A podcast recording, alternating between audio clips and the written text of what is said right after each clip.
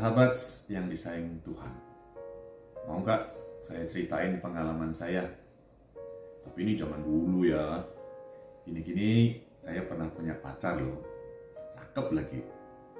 Baik, pinter, perhatian. Wah, pokoknya perfect lah ya. Nah, suatu kali, suatu hari kami janjian mau ketemuan nih di suatu tempat. Mau ngerayain hari jadian kita. Cie. Saya happy banget dan gak sabar mau ketemu dia. Sampai saya datang lebih awal beberapa menit dari waktu yang kita sepakati. Karena satu hal, dia datang terlambat, sekitar 10 menit. Tahu nggak apa yang terjadi? Waduh, saya yang tadinya happy jadi bete banget. Dan karena nggak terkendali, akhirnya buyarlah malam itu. Teman-teman yang dikasihi Tuhan. Saya nggak mau nuduh kalian, tapi saya mau bilang kalau kita manusia disadari atau enggak punya kecenderungan kayak gitu. Makanya banyak orang ngalamin dan bilang kalau mengampuni itu susah. Makanya Petrus dengan rada sombong nanya ke Yesus, Tuhan, sampai berapa kalikah aku harus mengampuni saudaraku jika ia berbuat dosa terhadap aku?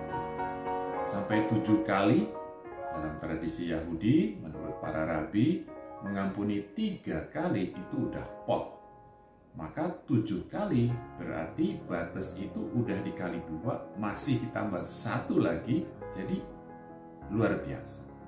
Dan Petrus ngerasa siap untuk ngelakuin itu. Tapi jawaban Yesus mencengangkan. 70 kali tujuh kali artinya nggak ada batasnya. Mau. Teman-teman terkasih, perumpamaan yang diceritain Yesus selanjutnya bikin kita bisa ngerti kenapa kita susah mengampuni. Kayak saya dulu itu, si hamba jahat ini mikirin cuma dirinya sendiri. Dia mau enak, mau senang, mau happy, dan harus mutlak. Gak boleh ada kurang atau cacatnya sedikit pun. Saking tingginya tuh standar harapan, saking kakunya tuh sikap, dia nggak bisa mentolerir kekurangan atau cacat kecil aja. Dia bakal fokus ke situ dan ngelupain kebaikan, kegembiraan, bahkan pengampunan gede yang udah dia dapat. Kayak saya ngelupain kalau punya pacar perfect dan bisa ketemu dia itu suatu pengalaman yang luar biasa. Teman-teman yang terberkati. Kayak gitu gak sih kita?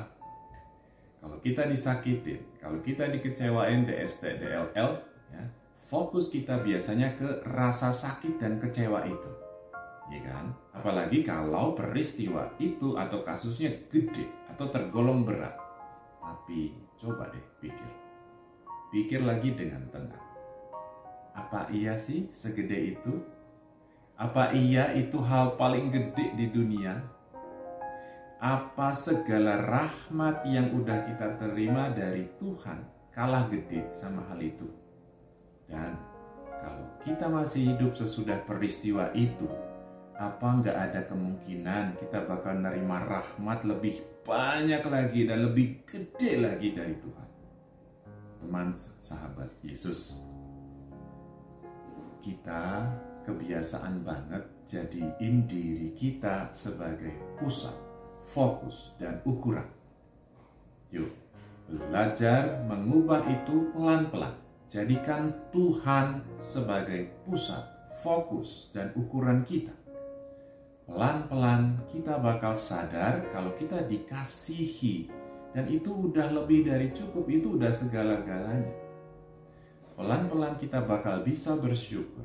Pelan-pelan kita bakal bisa juga merelatifkan ukuran-ukuran kita dan melembutkan serta memurahkan hati kita.